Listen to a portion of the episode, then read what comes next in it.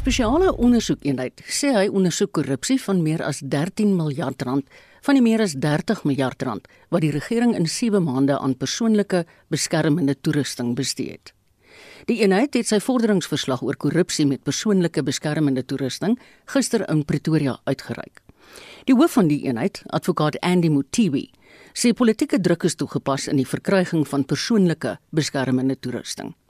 Mutiwi sê 189 beweringe van korrupsie is ondersoek, waarvan net 26% afgehandel is. The outcomes that we have now presented and they are as in the report as at the uh, 25th of November. The rent value of potential cash and or assets to be recovered, the value thereof is now sitting at 160.6 million. The matters that I've referred to in the report, that indicates further recoveries that SIU will still make. Now, the rent value of actual cash on assets recovered, as on the 4th of February, the value of the actual cash recovered and cash saved is 127.2 million. Nuutgesigte frontmaatskappye met geen ondervinding is aangestel en goedere en dienste se pryse is uitermate verhoog. As I indicated, the number of referrals made for disciplinary actions against officials is 25 and the number of referrals made against executive or administrative action is 2. The number of referrals made to the relevant prosecuting authorities is uh, 38 and the rent value of matters uh, in the special tribunal to date, factoring in the cases that were enrolled after the 25th of November. We've got 15 matters valuing the contract value of 365 million. Die Gautengse departement van gesondheid is geïdentifiseer as een van die grootste bydraers tot korrupsie. There is a quite a number of referrals that we have made for officials to be held accountable for disciplinary action, and we are not satisfied that those actions are acted upon effectively or all of them. Uh, similar to the referrals for prosecution, and we are also ensuring that we lift the bar in terms of the civil litigation recoveries. We really need to ensure that when we put together the evidentiary material that we submit to the NPA, it should be a material that is sufficient enough to assist NPA to come to a finding.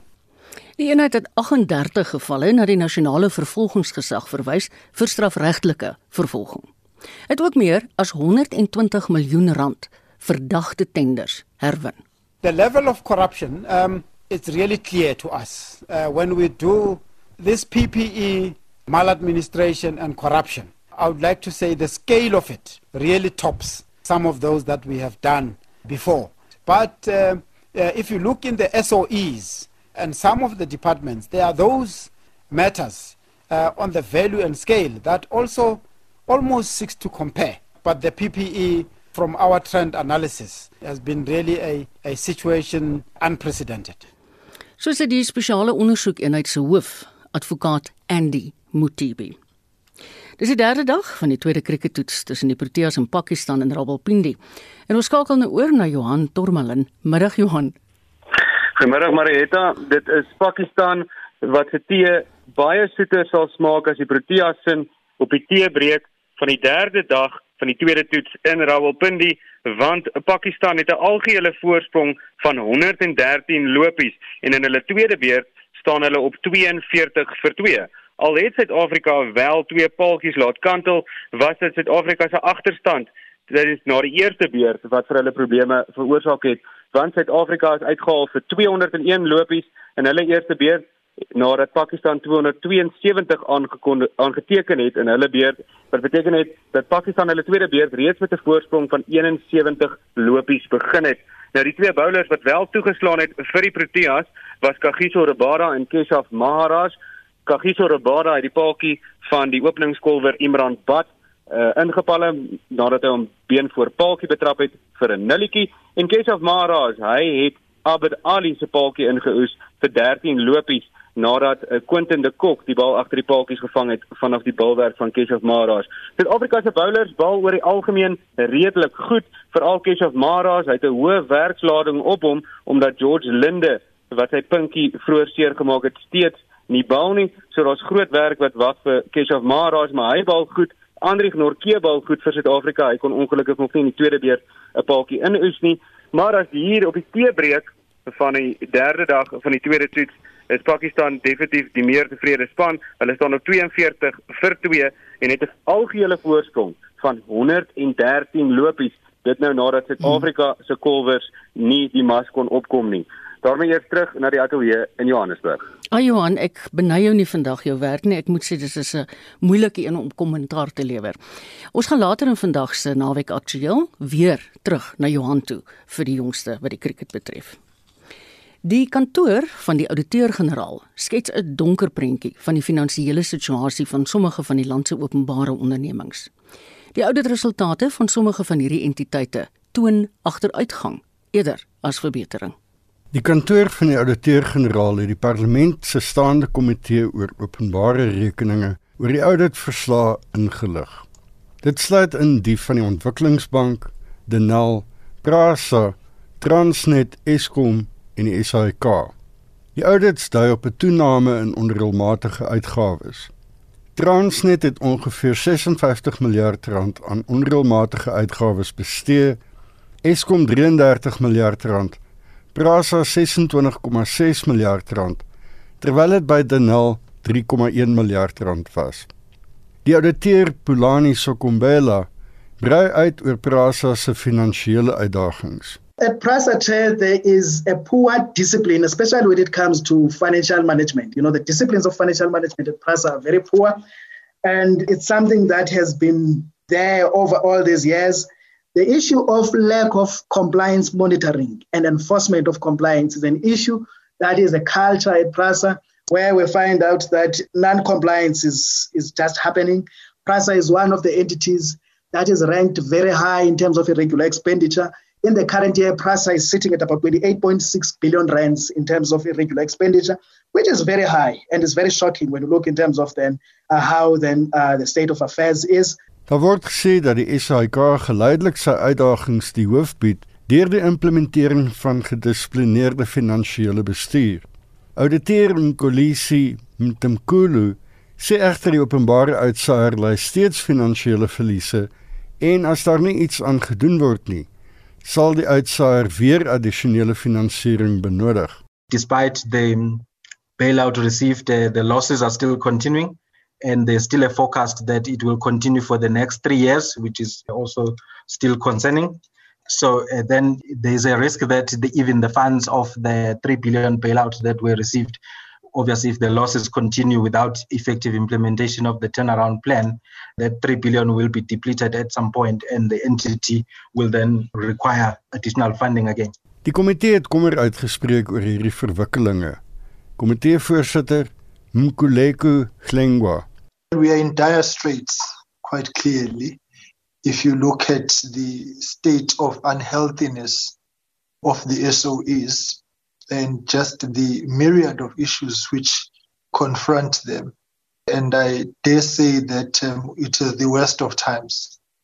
Obviously, our work is cut out as a committee, and we're going to have to have very serious discussions and interactions with DPE and the other line function um, departments, uh, finance and um, defense and uh, communications just about the state of unhealthiness of this.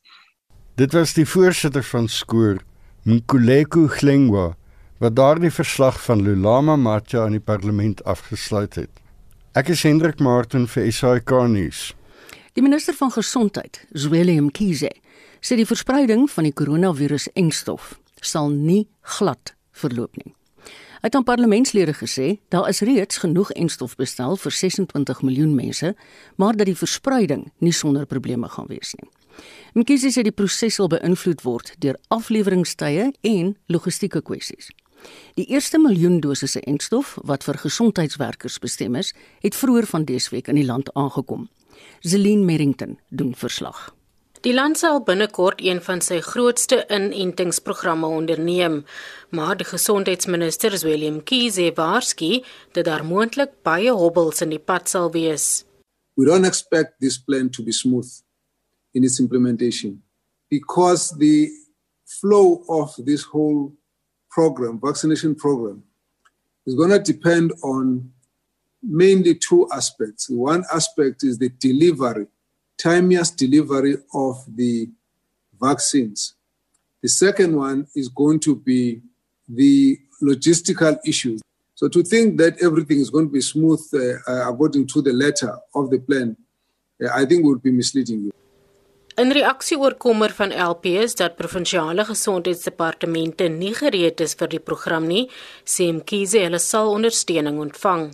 But we must expect that with the details that we all need, there'll come a point where some are not ready and so on. We just need to go back to them, help them until they are ready. So we are not going to be surprised if they're not ready. But when we find that out, we'll actually work with them to strengthen their capacity to deal with, uh, with this issue. Hy het bygevoeg dat tot dusver het die regering en stowwe vir ten minste 26 miljoen mense gekry. And then we've got agreements now which we are finalizing, but nevertheless on our terms of agreement, originally we have got uh, the 9 million that is uh, uh, secured from uh, J- uh, Johnson and Johnson and another 20 million that's secured from the Pfizer and then there's also another uh, 12 million that we should expect from COVAX facility And all of that uh, together uh, we will ensure that we will have at least uh, no less than 26 million people's vaccines already assured. Dit was die minister van gesondheid, Willem Kiese, Zelin Merrington, Parlement. Jy luister na RSG, hierdie is die program Naweek Aktueel, dis op die kop kwart oor 12.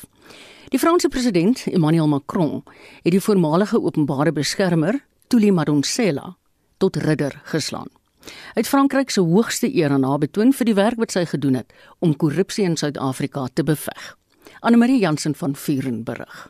Macron het Madonsela aangestel as sogenaamde kavalier of ridder van die nasionale legioen van eer.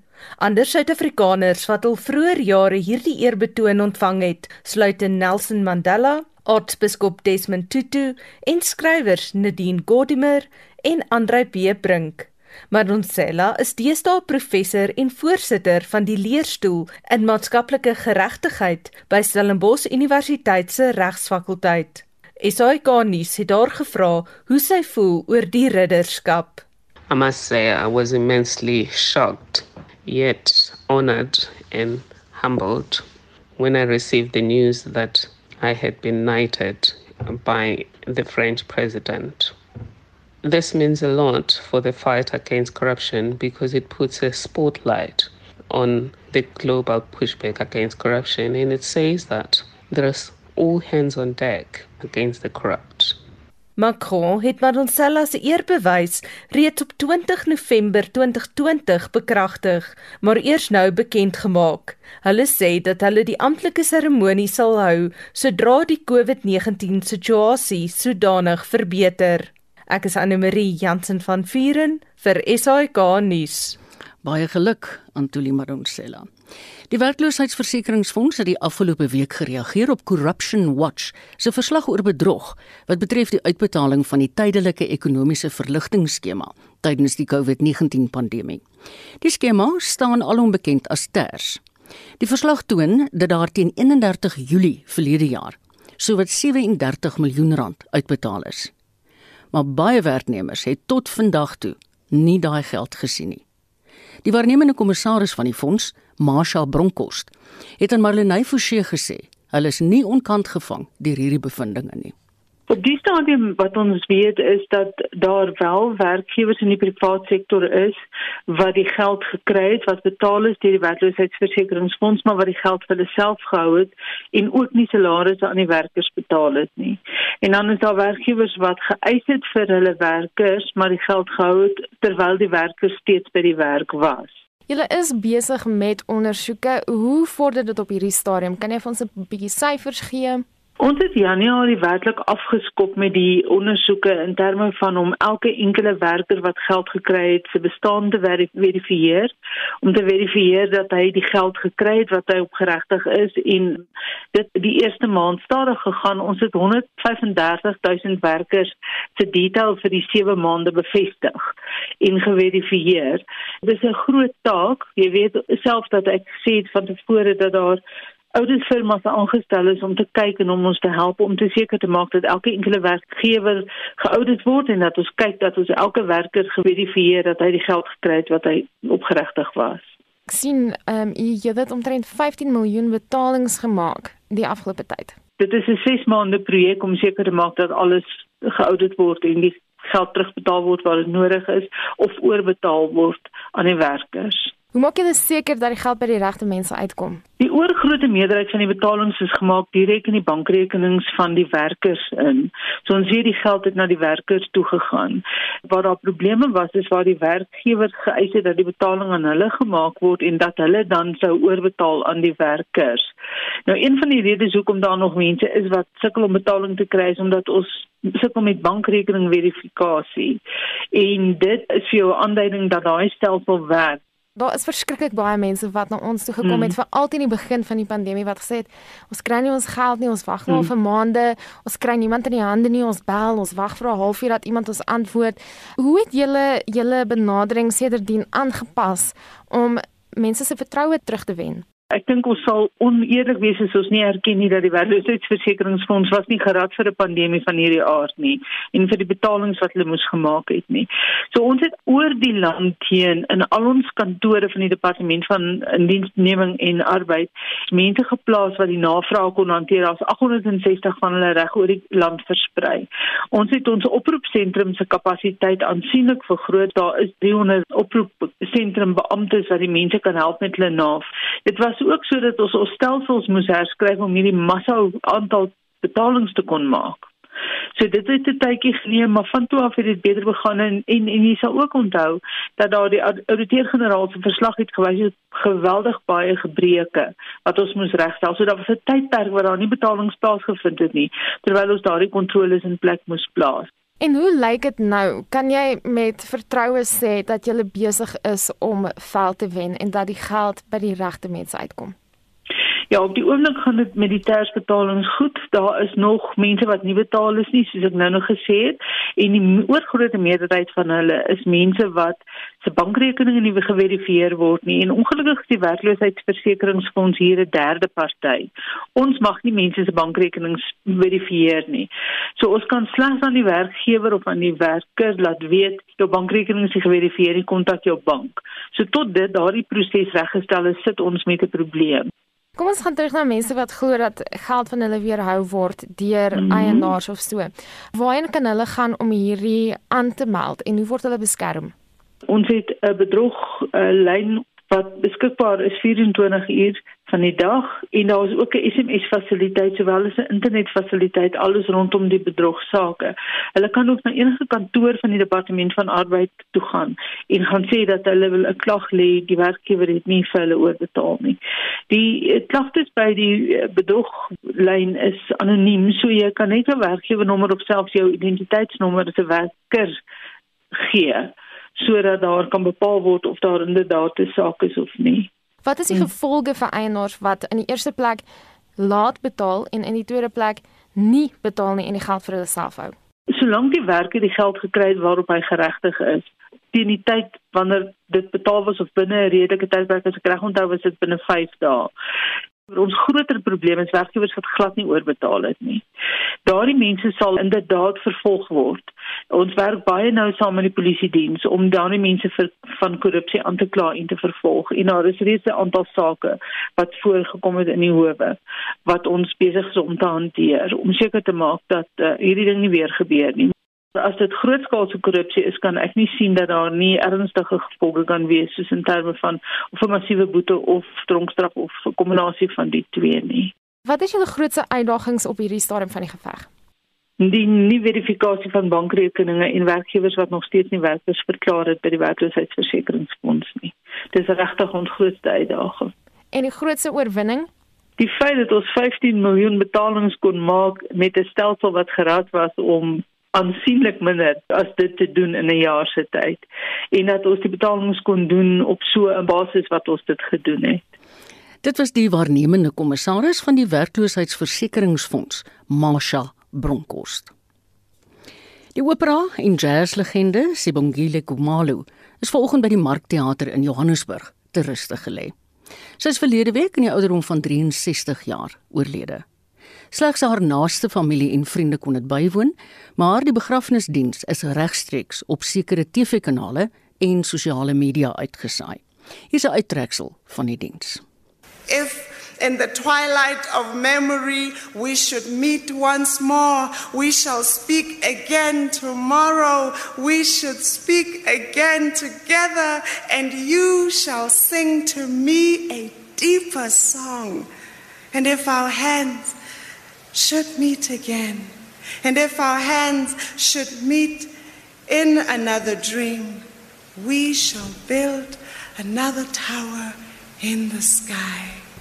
We shall meet again, and we should build another tower in the sky.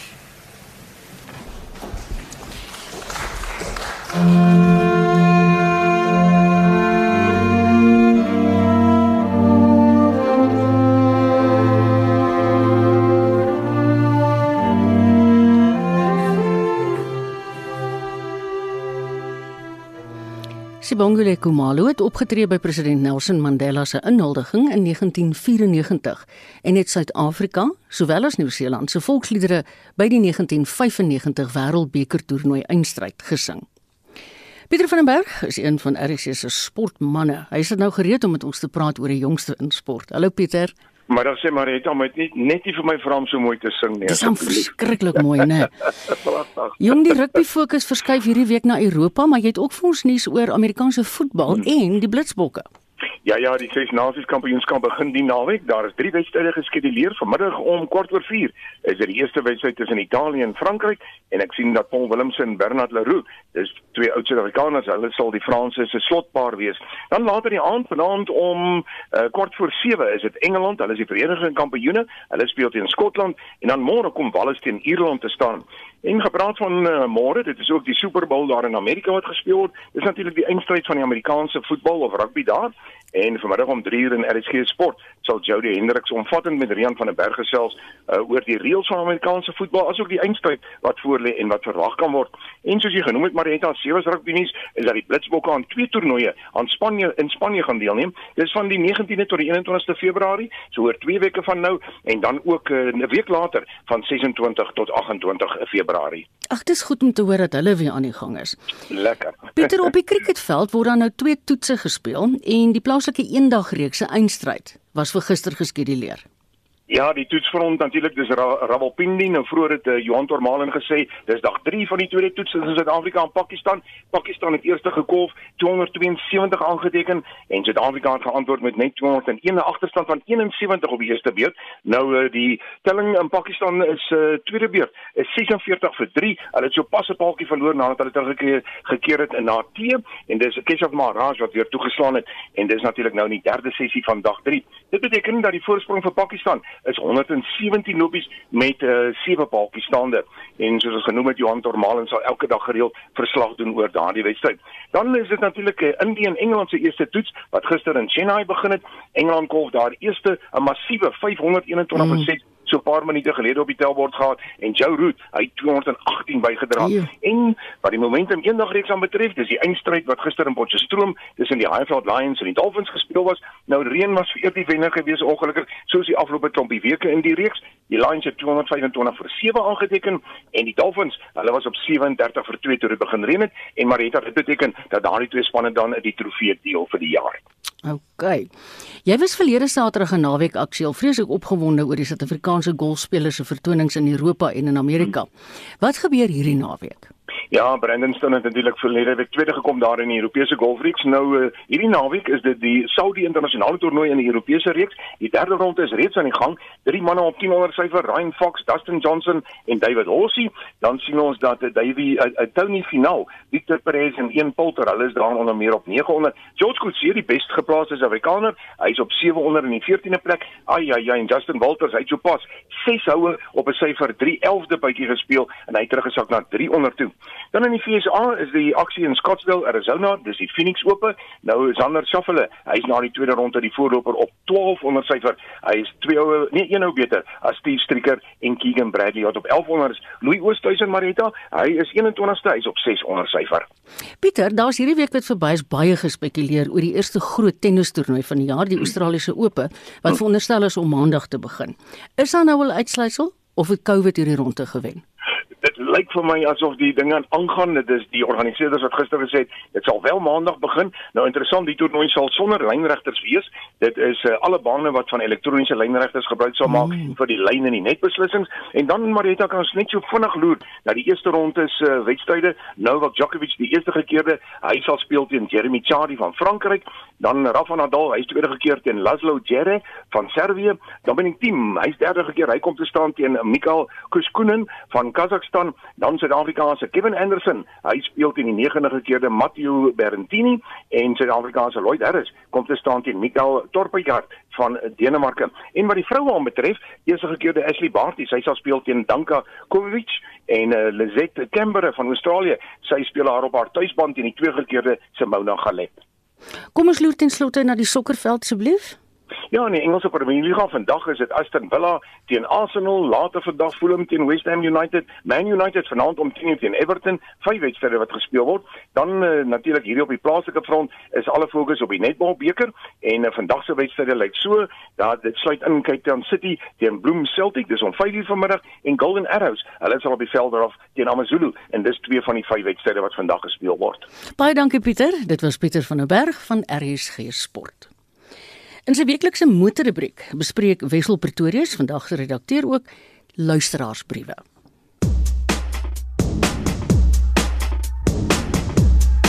Ons kyk na 'n brief van Rion Charles.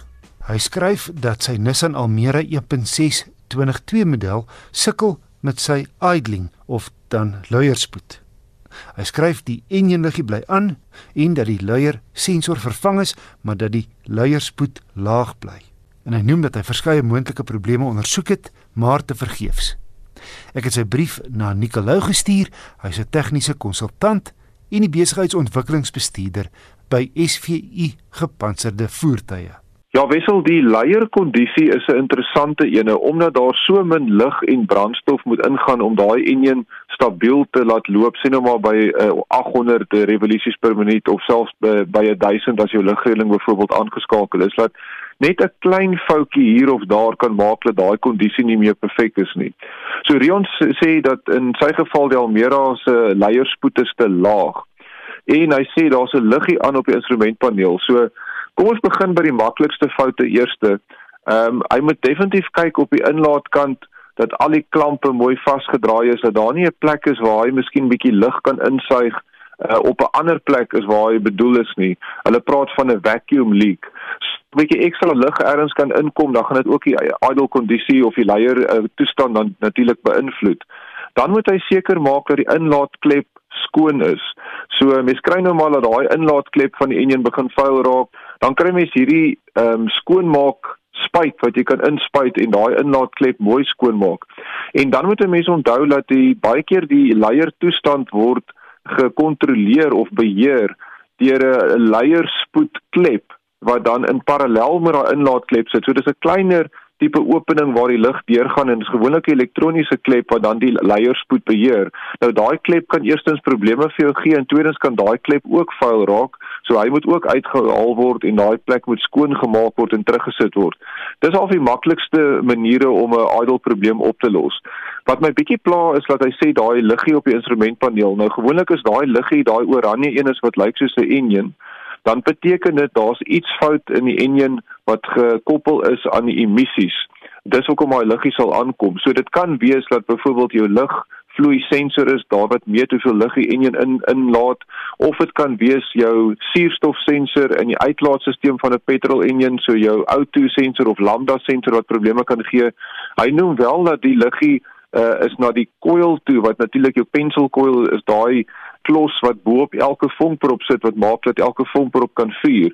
Nou hy sê al daai is reg, maar ek dink hy moet net gaan seker maak dat daai kode wel vir hom na daai uh, klos op die vonkproppe wys en dit nie miskien 'n lug uh, inlaatsensor is of miskien dan daai suurstofsensor in die uitlaat nie. Maar dit is die dinge wat uh, Rion kon doen om hierdie probleem te probeer oplos. Nikkel, jy het ook uh, Lawrence Ferreira se brief onder oog gehad. Hy ry 'n uh, Mitsubishi Pajero 3.2 diesel 2003 model met net oor die 206 000 km op die klok. Hy vra, "Hoe beskerm jy die enjin en verleng die motor se lewe?" En hy noem dat hy ook karavaan sleep. En hy verwys na die dieselfilterbrief wat ons verlede week bespreek het. Ja, Wessel Lourens kan nou sien hy's baie lief vir sy voertuig. Dit is 'n 2003 model oor die 200 000 km op en hy wil natuurlik hê dat die voertuig so lank as moontlik vir hom moet hou en dis te verstaane in die tyd waar ons vandag leef waar elke ou sy uh, geld maar moet knyp.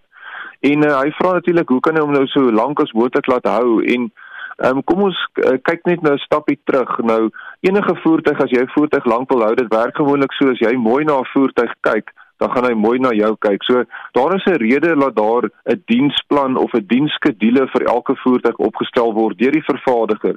Dis die ingenieurs wat kyk na daai enjin en daai voertuig en kyk wat moet vervang word op watter tydstip in die uh, voertuig se lewe om seker te maak dat die voertuig so lank as moontlik gaan hou. So eerstens maak seker dat die voertuig altyd gediens word volgens die dienskedule en dat al daai inspeksies wat gedoen moet word op die enjin en oral op die voertuig tydelik geskied. So maak seker dat die voertuig definitief gediens word op haar skedule. Dit gaan vir jou die beste resultate oor die langtermyn gee.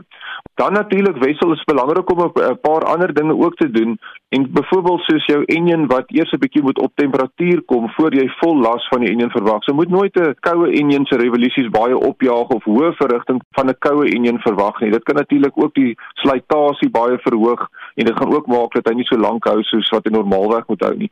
Hy noem ook dat hy sleep. Natuurlik 'n sleepvoertuig moet nooit uh, ratte gebruik wat te hoog is vir die hoeveelheid las wat jy op hom sit. Nie vir ander turbo diesel is mense nogals geneig met daai wrinkrag om baie keer die toere te laag te laat val. Dit sit ook onnodige spanning op die hele aandryfstelsel. Laurens noem natuurlik daai ehm um, 55000 rand se komponent wat in die uitlaatstelsel is van 'n diesel wat ons gepraat het oor om te vervang. Dis natuurlik jou diesel particulate filter. Maar ek het goeie nuus vir Laurens omdat sy voertuig 'n 2003 model is, is daar glad nie 'n DPF in sy uitlaatstelsel nie. So dis een minder bekommernis wat Laurens wil hê. Die ander ding wat ek net wil met afeindig is elke ou ken sy voertuig baie goed. So as jy vind of jy hoor daar is iets wat 'n vibrasie veroorsaak, jy hoor 'n geluid wat jy nie ken nie, begin onmiddellik kyk wat is die fout. Hoe langer jy daai ding los, hoe erger gaan dit raak en later miskien kan dit 'n klein probleempie gewees het wat jy vinnig oplos en dan later gaan dit vir jou baie skade en baie geld veroorsaak as jy dit los en nie aandag gee aan so 'n probleem nie. So antwoord Nicolou, hy's 'n tegniese konsultant en die besigheidsontwikkelingsbestuurder by SVU Gepantserde Voertuie. Wanneer na vra kan aan my ge-e-pos word. Dis wissel@rsg.co.za. Onthou elke motorrubriek is ook as 'n potgooi op RSG se webblad beskikbaar onder naweek aktueel. Volgende week 'n padtoets van die Toyota Fortuner 2.8. En daai wissel is Wissel Pretorius en hy sorg elke week vir ons motorrubriek. Die Noord-Kaapse premier, Dr Zamani Soul, het aangekondig dat hy die vloedgetuisterde John Tolo, Gwatshe distrik wat dorpe soos Deben, Hatzel, Katu en Kuruman insluit, tot 'n rampgebied wil verklaar. Swaar reën het die distrik getuister en paaie, huise en ander infrastruktuur groot skade berokken. Vincent Mofokeng doen verslag. Twee weke van aanhoudende reën het duisende mense in die John Taulo Gaitsewe distrik van dienste afgesny nadat paaie oorstroom is. Volgens die Noord-Kaapse provinsiale regering is die elektrisiteitstoevoer in sommige gebiede ook afgesny. Die Noord-Kaapse premier, Dr Zamani Saul, het die gebied gister besoek om die omvang van die skade te bepaal. Major damage is caused to our road infrastructure, and as the provincial government, we are coming to make an assessment with an aim of ensuring that we are going to declare disaster. After we've declared a disaster, we'll have to look at an appropriate response on how best to deal with it. Intussen het die Suid-Afrikaanse Nasionale Padagentskap, SANRAL, motoriste aangeraai om die N14, N8 en die R31 te vermy. Die projekbestuurder van SANRAL in die omgewing, Ronaldo Lorio. As a result of the heavy rains in the area recently, the roadway has flooded and the culvert was damaged. The extent of the damage warranted a full road closure between Kuruman and Vryburg. On the N8 repairs have been effected and the road is now open to traffic. In the areas that were damaged along the N8, there is one lane open to traffic with stop-go closures in place. We appeal to road users to remain vigilant, be patient and where possible to avoid travelling during adverse weather conditions. Die departement van maatskaplike ontwikkeling saam met die Suid-Afrikaanse Agentskap vir Maatskaplike Sekuriteit, SASSA, sal na verwagting kospakkies aan gesinne in die omgewing verskaf. Die verslag van Neo Bodumela in Kimberley. Ek is Vincent Mufokeng vir SAK nuus. Die meeste paaie in die Tahong omgewing in Noordwes is onbegaanbaar en 'n aantal brûe is onder water weens oorstromings van Deswek. Inwoners sê die owerheid verwaarloos reeds jare lank infrastruktuur wat die probleem nou vererger het. Maar nog onvrugtende reën word vir die naweek voorspel oor Gauteng, Limpopo en Noordwes. Ons praat nou met Jan Vermeulen, Jan is 'n weervoorspeller van die Suid-Afrikaanse Weerdienste. Goeiemôre Jan. Goeiemôre Mariet en goeiemôre luisteraars. Hoe lyk die voorspelling vir die naweek? Ja, ons verwag verdere ontwrigtende reën oor ehm um, die suidwestelike dele van Limpopo en ook oor uh, Noordwes provinsie vandag. En ehm um, ja, en dan verwag ons verder dat hierdie ontwrigtende reën môre gaan voortduur oor Noordwes provinsie. En uh ja, as jy mens dan nou verder kyk Marietta, dan uh uh uh, is dit uh, ja, verder verwag ons dan nou maar net oor die res van die noordelike en die oostelike dele, enkele tot verspreide buie en donderbuie vandag en môre, maar die weerstelsel is besig om te verswak. O. En uh, ja, so na na maandag se kant gaan geen meer ontwrigtende reën nie. Jan, as jy sê hy's besig om te verswak, kan 'n ou dan aanvaar soos volgende week aanstap, sal dit minder en minder reën. Ja, ons uh, verwag uh, vir ehm um, uh, maandag byvoorbeeld net 30% kans vir baie en donderbuie oor Noordwes en ook Limpopo en Gauteng en 'n uh, groot deel van uh, Mpumalanga. Mm. Jy weet as ou nou kyk na die Valdam, hy was vroeër hierdie week 75% vol, maar dit klink vir my of hy vinnig besig om voller te loop, want ek het eendag gehoor dis 3% net op een dag wat hy gestyg het. So hulle aanvaar dat hy volgende week gaan oorloop. Kyk, hierdie baie reën is wonderlike nuus vir ons damvlakke. Ja. Dis 'n feit. Marieta. Dis nou jammer van die skade wat aangerig is, né? Nee? Ja, nee, dit is reg en nou so gepraat van die Paaldam, ehm uh, by by Ermelo byvoorbeeld was daar vanoggend uh, 45 mm gemeet. Uh -huh. En by vereniging 23 mm. Ek uh, kyk nou maar net na van die syfers wat ek gesien mm. het vir die opvanggebied.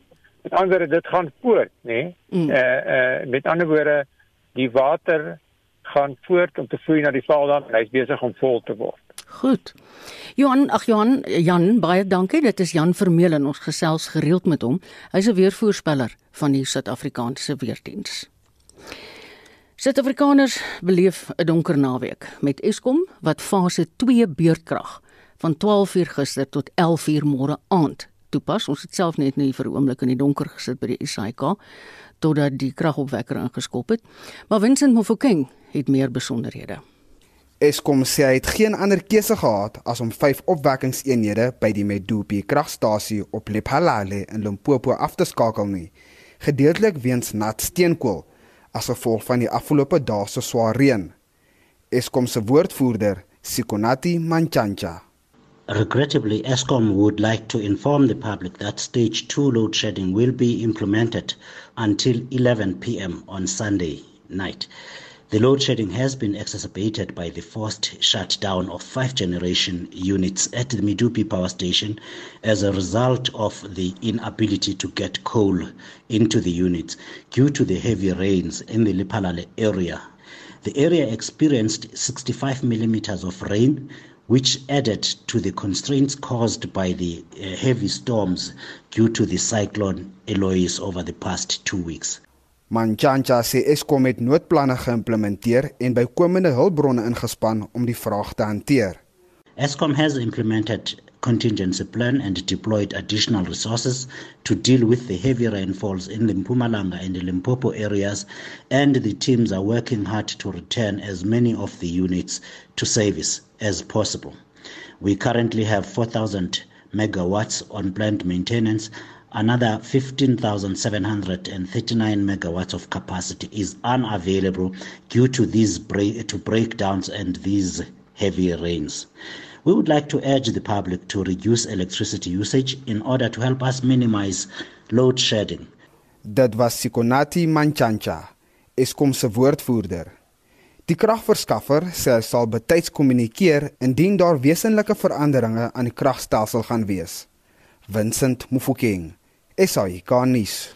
Nou Pieter het net nou daarna verwys dat ons so deur die loop van die dag in al ons programme gaan gesels met Johan Tormalen want hy is die ou wat vir ons die krieket dop hou. Dis die derde dag van die tweede krieketoets tussen die Proteas in en Pakistan in Rawalpindi. Hallo Johan.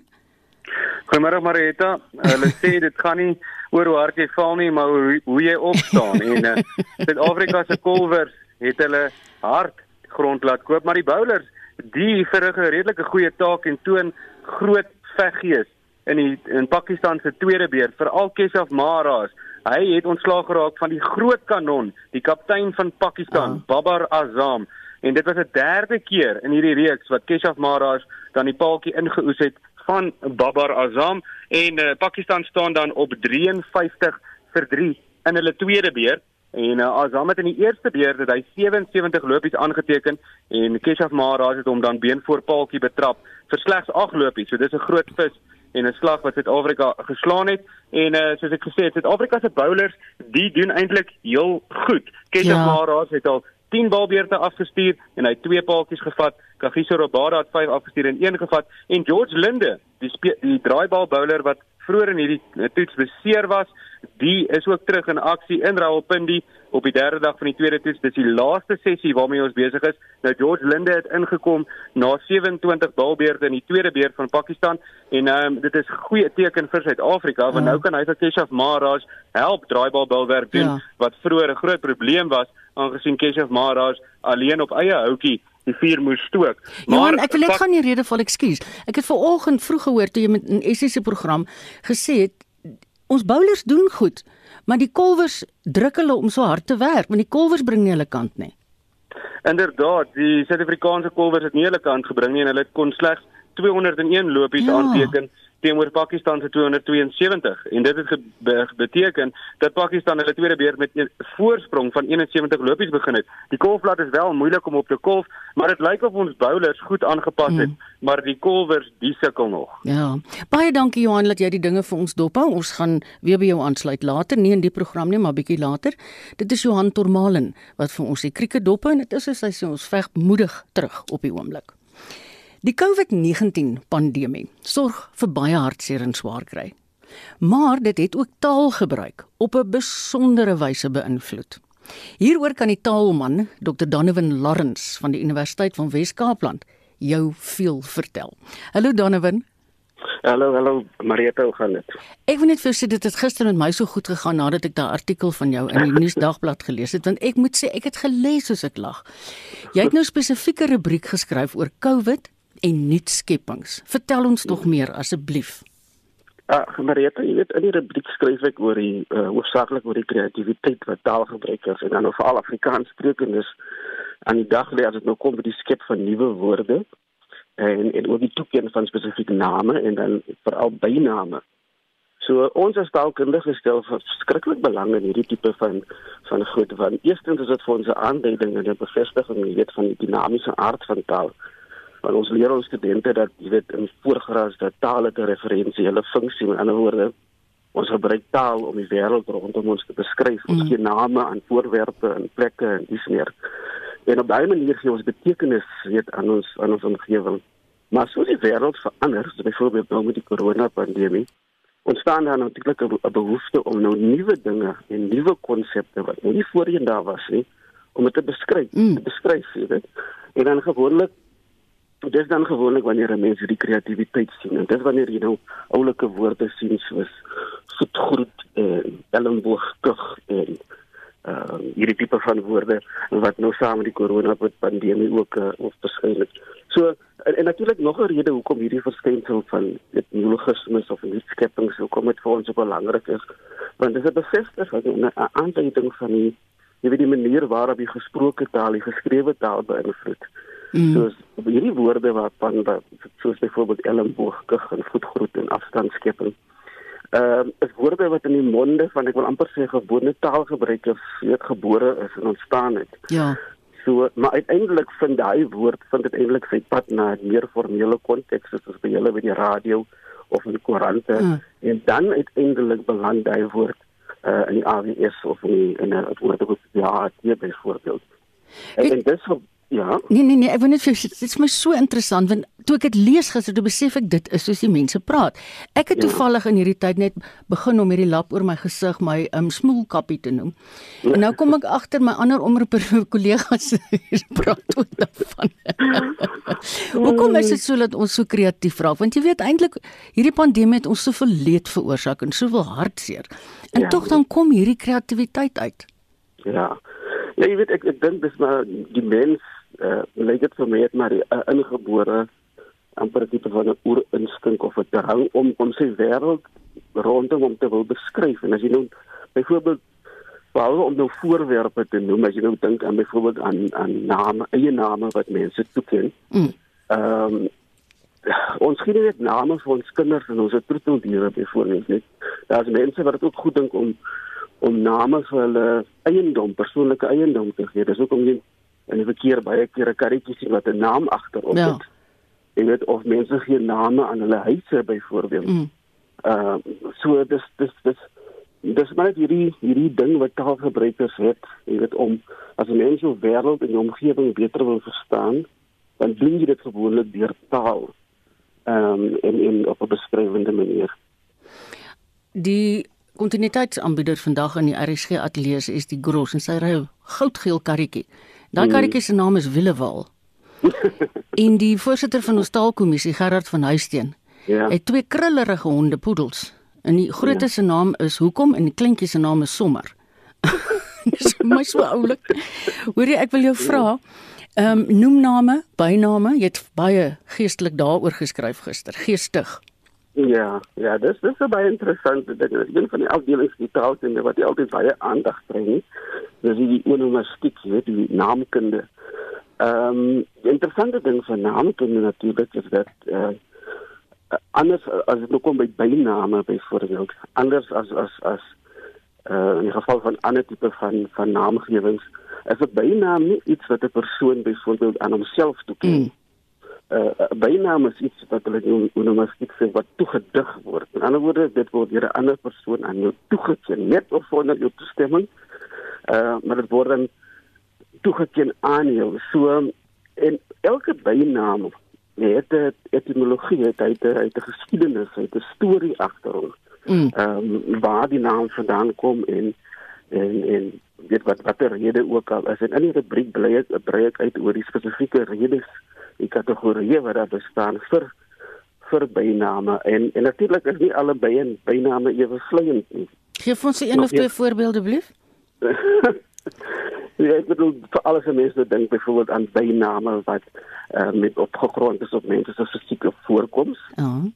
Jy weet as 'n uh, as iemand genoem word whitey of 'n persoon word genoem royes of wat ook al. Ah. Ehm uh, die, die draers van byname is nie altyd so positief oor hulle byname. Dis so mense.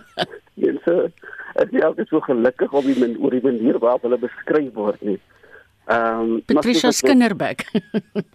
ja, was jy vir iemand Skinnerbeck noem, so daai. En en natuurlik ek bedoel jy kan met enige persoon gesels. Mense het stories en stories ja. oor byname en ek mens kan letterlik 'n boek skryf hieroor. Dis waar. Baie dankie Donovan, dis Dr. Donovan Lawrence. Donovan is by die Universiteit van Wes-Kaapland se departement Afrikaans en Nederlands. 'n Ander groot Kaapse storie hierdie week is 'n brand wat die week al die hele week woed in die berge tussen Grootvadersbos en Berrydale in die Oeverberg.